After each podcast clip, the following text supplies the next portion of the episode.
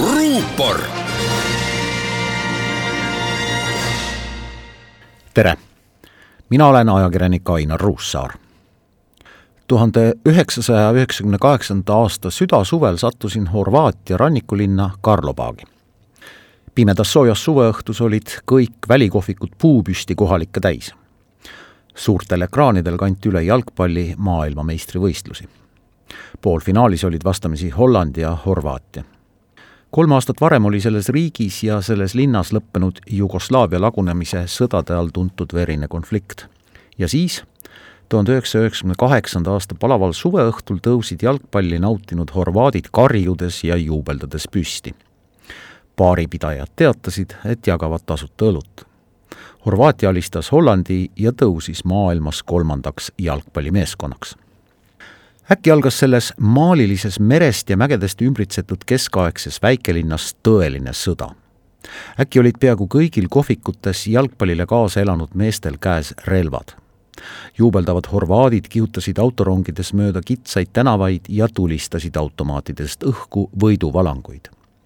justkui oleks aeg taas mõned aastad tagasi pöördunud kolmkümmend aastat tagasi algasid Jugoslaavia sõjad, kõige enam ohvreid nõudnud konflikt Euroopas pärast teist maailmasõda. Sloveenid pääsesid sõjast üsna lihtsalt. pärast nende otsust lüüa lagunevast sotsialistlikust föderatiivriigist Jugoslaaviast lahku ja saada iseseisvaks, püüdis keskvõim seda küll tankidega takistada, kuid lõi käega. kümnepäevase sõja tulemusel sai Sloveeniast iseseisev riik palju hullemini läks Horvaatia ja Bosnia iseseisvumisega. mõlemal puhul mängis olulist sõjalist rolli endise Jugoslaavia keskvõimu jätkajana soovinud Serbia. laskude kajas Sloveenia piirialadel oli vaevalt vaibunud, kui mitmel pool Horvaatias algasid karmid ja verised lahingud. rahuaegne tsiviilelu ja sõda olid täiesti sassis istusin suvel kolmkümmend aastat tagasi Horvaatia pealinnas Zagrebis elektrirongi ja sõitsin koos paljude reisijatega vaevalt viiekümne kilomeetri kaugusel asuvasse rindlinna Karlovatši. see oli ebatavaline vaatepilt. Vaksalis peatunud rongist valgusid põlevasse ja puruks pommitatud linna sajad reisijad, taamal kaikumas lõppematu tulevahetuse kaja. mõned päevad hiljem lunisin ennast Saksa televisiooni kolleegide autole ja sattusin hoopis teistsuguse vaatepildi tunnistajaks Horvaatia idaosas pealinnast umbes saja kuuekümne kilomeetri kaugusel asuv Tartu suurune Osijek oli lausleekides ja varemetes. mitte ühtegi inimest, mitte ühtegi sõdurit, mitte ühtegi päästjat. ainult tuleleekide ragin ja aeg-ajalt varisevate majaseinte müra. nagu halvasti lavastatud õudusfilmis, ainult et päriselus.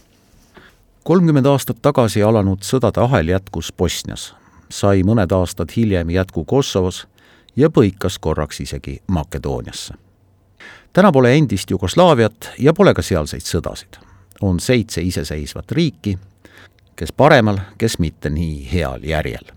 Neist Horvaatia ja Sloveenia on meie partnerid Euroopa Liidus. kolmkümmend aastat tagasi alanud sõjast Euroopas on möödas vaid kolmkümmend aastat. olgu selle sõja kaja meile siiani hoiatavaks meenutuseks lähiajaloost.